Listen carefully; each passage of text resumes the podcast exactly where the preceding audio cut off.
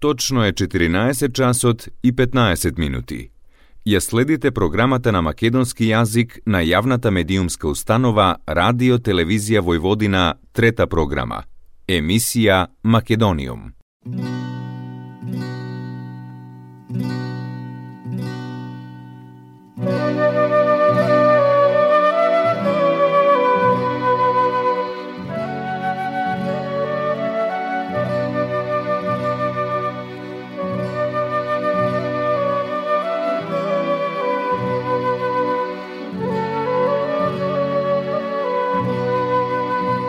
Македониум.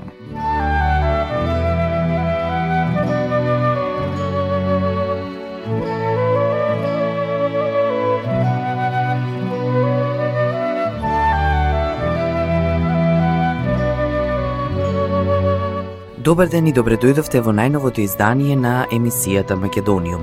Со вас, почитувани слушатели, е вашиот уредник и водител Јулијана Милутиновиќ, секоја среда со почеток во 14 часот и 15 минути на фреквенцијата на третата програма на радиото при Радио Нови Сад, Радио Телевизија Војводина.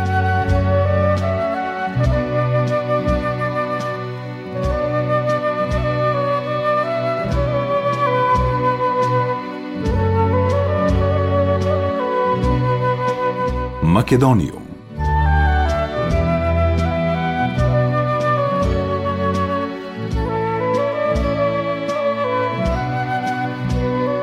Минатата среда се одбележа денот на мајчиниот јазик, а по повод одбележувањето на меѓународниот ден на мајчиниот јазик, во понеделникот во Белград се одржа промоција на зборникот Македонски у 30 лекција од Елеонора Конеска Средоевиќ, а во реиздание и во соработка со белградскиот весник Политика. Овој зборник опфаќа двојазични текстови објавени во Политика, а се публикува со цел да се афирмира македонскиот јазик во Србија. Ова е дел од архивата на македонецот Ранко Бебековски, кои беа објавувани во Весникот Политика во 1984 година како лекции по македонски јазик. Со дозвола на авторката и на политика, Сдруженијето Македониум ја реиздаде и ја промовираше оваа брошура, па така сите македонци кои живеат во Србија повторно имаат можност да ги совладаат основните правила на граматиката на македонскиот јазик. Зорица Митровиќ од Сдруженијето Македониум во Белград, организатор на промоцијата во изјавата за емисијата Македонско сонце, која ја гледате во недела на втората програма на телевизијата, рече. Нашето здружение повеќе од 10 години го одбележува е, Меѓународниот ден на мајчиниот јазик. Тоа го правиме со соодветни програми во кои што го афирмираме пред се македонскиот јазик и авторите, писателите, книжевниците кои што пишуваат и творат на, на македонски јазик. А, вечерва имаме еден несекојдневен настан.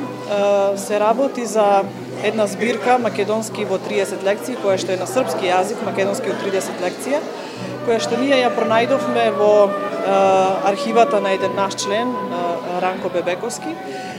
Во 1984 година во списанието Политика беа објавувани лекции на македонски јазик од авторката Елеонора Конеска Средуевич.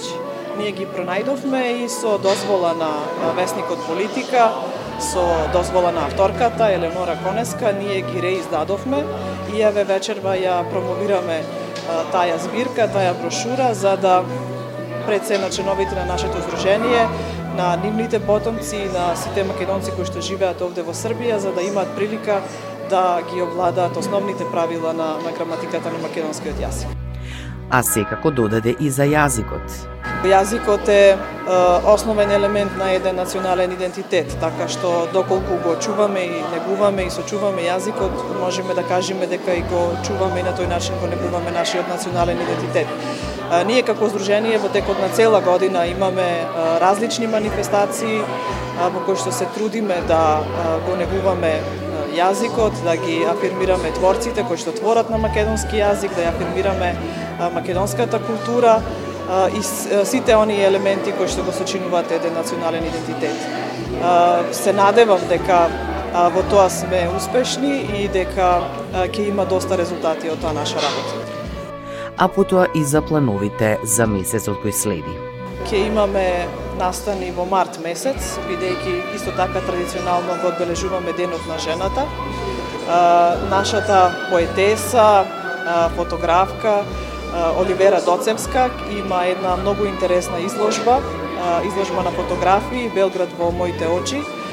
Таа изложба ќе отвориме на 6 март во Педагошкиот музеј во Белград.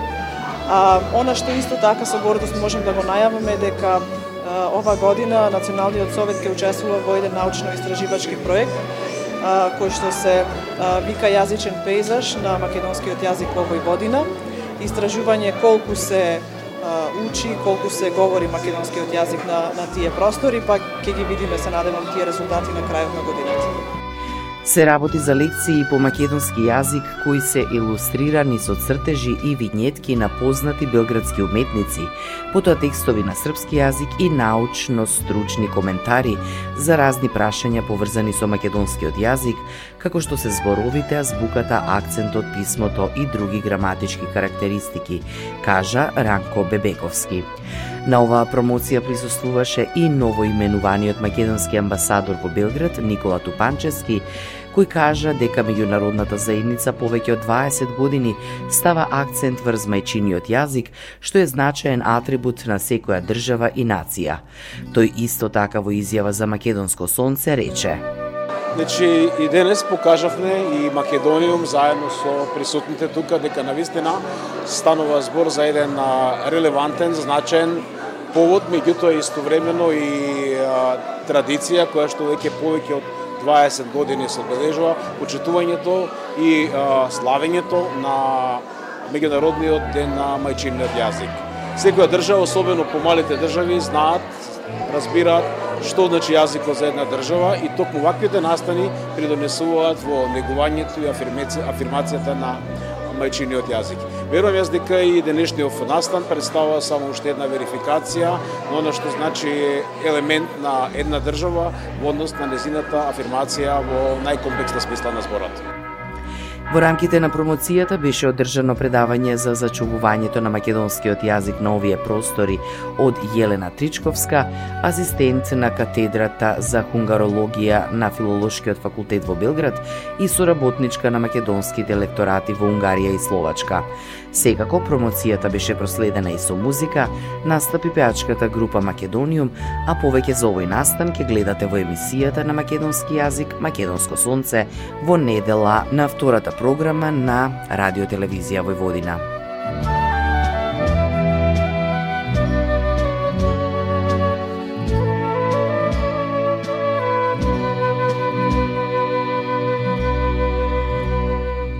Македониум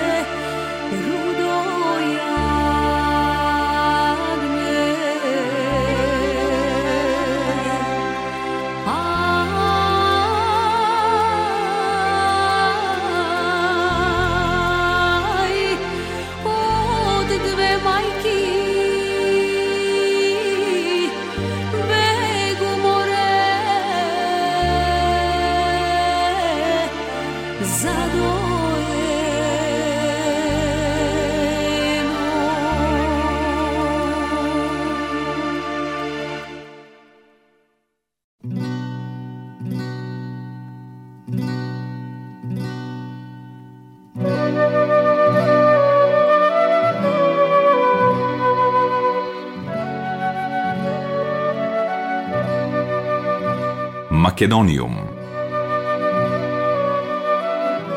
Документарниот филм The Walk или Патување пеш во режија на Тамара Котевска започнува со европска фестивалска турнеја. Филмот ќе има европска премиера на најголемиот фестивал за човекови права Fifth во Женева, Швајцарија, каде ќе има две проекции, а потоа ќе има пет рекордни проекции на еден од најголемите фестивали за документарен филм од А категорија во Европа, International Documentary Festival во Копенхаген, Данска, како дел од програмата Highlights. Исто така реномираната компанија Together Films со седишта во Лондон и Њујорк и значајно искуство во светска дистрибуција на филмови ги обезбеди правата на патување пеш и истиот ќе го дистрибуира низ светот. Минатата недела филмот беше представен за продажба на овогодинешниот филмски маркет во Берлин, а во следниот период ќе биде дел од маркетите на International Documentary Festival во Копенхаген и South by Southwest во Остин, Тексас, што беше ексклузивно најавено на насловната страна на британското филмско списание Screen Daily. Својата светска премиера филмот Патување пеш ја имаше на најголемиот фестивал за документарни филмови во Соединетите држави, Док Њујорк во Њујорк, во ноември минатата година, откако Тамара Котевска за прв пат го представи филмот на филмскиот фестивал во Венеција со краток трейлер два месеци пред тоа. Таа е првиот автор од Македонија повикан да одржи говор на ексклузивниот настан Lights Camera Impact, каде секоја година се поканети три светски реномирани автори, чие последователно творештво се филмови кои имаат потенцијал да остварат обштествено влијание. Патување пеш го следи патувањето на Амал, джиновска кукла висока 3,5 метри, која представува млада бегалка и која патува преку сириската граница во Турција, а потоа низ Европа, обидувајќи се да си најде дом. Филмот се снимаше две години на териториите на повеќе од 10 земји, помеѓу Сирија на исток и Обединетото кралство на запад, како и на бреговите на Јужна Африка. Во креативниот тим на филмот, покрај Тамара Котевска, се и монтажерот Мартин Иванов, кинематограферот Самир Љума и композиторот Дуке Бојаджиев. Главен продуцент на филмот е Grain Media една од најголемите британски филмски компании фокусирана на документарните филмови, а македонски копродуцент е Охо Продукција. Филмот е исто така поддржан и од Македонската агенција за филм.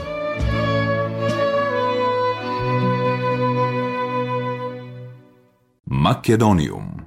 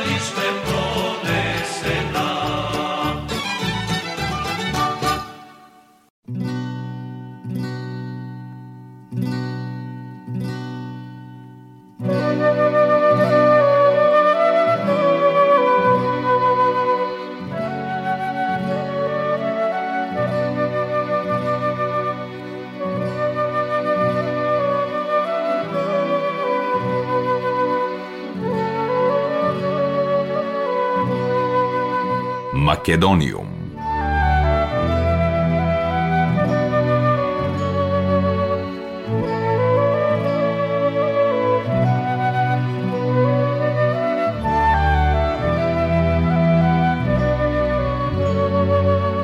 Македонската влада го прогласи Вевчанскиот карневал за културно наследство од особено значење, под категорија исклучително значење. Со оваа одлука се овозможува зачувување и афирмација на Василичарската поворка, која се практикува во автентична и интегрална форма од локалната заедница во општина Вевчани. По своите карактеристики, обредните поворки со маски карневал, Василичари во Вевчани се издвојуваат со својата автентичност зачуваноста на формите на маските, василичарското оро, верувањата и со обредните практики. За василичарите во Вевчани се утврдува режим на заштита од прв степен со повеќе мерки на заштита. Преку поддршка и потекнување на носителите на изработката на автентични маски, ќе се обезбедат обдржливост на древната манифестација и пренесување на знаењата за изработка на маските и на вештините за свирење на традиционалните музички инструменти кои се дел од поворката, соопшти македонската влада. Вевчанскиот карневал се одржува во јануари и има традиција од најмалку 1400 години. Македониум Македонскиот народен херој Кузман Јосиповски Питу е еден од столбовите на партизанскиот отпор против окупаторот во текот на Втората светска војна. Неговата револуционерна активност почнува со подигање на револуционерната и национална свест на населението и организација на работата на првиот прилепски партизански одред, кој го почнал нападот против окупаторот на 11 октомври 1941 година до оформувањето на партизанските одреди во текот на 1942 и 1943 година. Неговата истрајност и упорност му го обезбедуваат прекарот според името на неговиот предходник од Илинденската борба војводата Питу Гули. Во касарната Кузман Јосифовски Питу во Тетово по повод одбележувањето на 80 годишнината од смртта на народниот херој Кузман Јосифовски Питу, вчера македонската министерка за одбрана Славјанка Петровска, заедно со делегација од генерал штабот на армијата, положи венец и свежо цвеќе. Македониум